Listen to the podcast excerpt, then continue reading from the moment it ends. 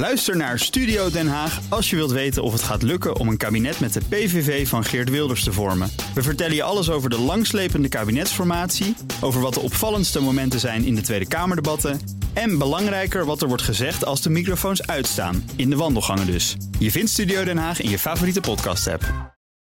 De column van Paul Lasseur. De nationale uitkeringsinstantie UWV slaat de plank lelijk mis. Met een Twitterfilmpje waarin jongeren de keus krijgen voorgelegd. Liever muziek studeren of econometrie? Op zichzelf een volkomen legitieme vraag natuurlijk. Ooms en tantes op familiefeestjes doen niet anders dan precies die eeuwige vraag stellen. Wat wil je later worden? Voor veel mensen een groot dilemma. Dat hier voor het gemak is teruggebracht tot die simpele keuze. Een loopbaan in de muziek of in de econometrie.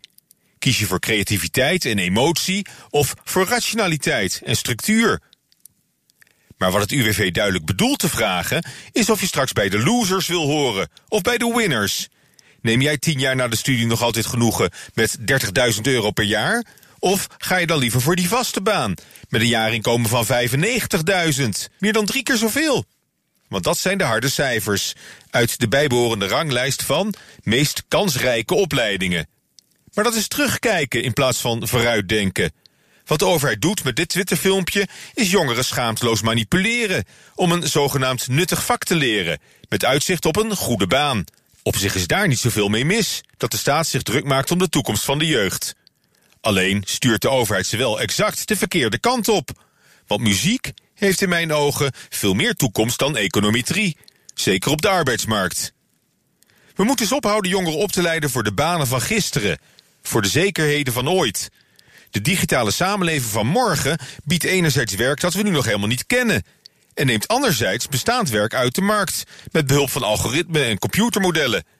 In een wereld die steeds verder automatiseert, zal de behoefte aan muziek en andere kunstvormen eerder toe dan afnemen.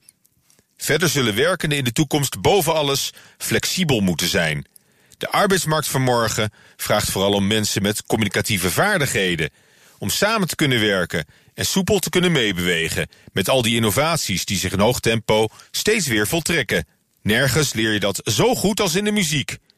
De Griekse filosoof Plato vond al dat kinderen vooral in muziek onderwezen moesten worden. Want de patronen in muziek en alle andere kunstvormen zijn volgens Plato de sleutels tot het verwerven van kennis. Ook de moderne wetenschap krijgt steeds meer oog voor het positieve effect van muziek op de hersenfuncties. Muzici en het muziekonderwijs verdienen veel meer status, waardering en beloning. Daar zou de overheid werk van moeten maken, in plaats van jongeren die hun hart volgen en muziek willen studeren te ontmoedigen met die Twitterfilmpjes van het UWV. Moedig ze juist aan en gun ze een succesvol leven, waarbij succes zoveel meer betekent dan over tien jaar een ton en een Tesla. Prettige maandag. Columnist Paul Lasseur. Terugluisteren? Ga naar bnr.nl of de BNR-app. En daar vindt u ook alle podcasts. Ook Liesbeth Staats vind je in de BNR-app. Ja, heel handig. Luister live naar Kees en mij tijdens de Daily Move. Dan blijf je ook gelijk op de hoogte van breaking news en het laatste zakelijke nieuws. En daar vind je ook alle BNR-podcasts, waaronder de Perestrooikast. Download nu de gratis BNR-app en blijf scherp.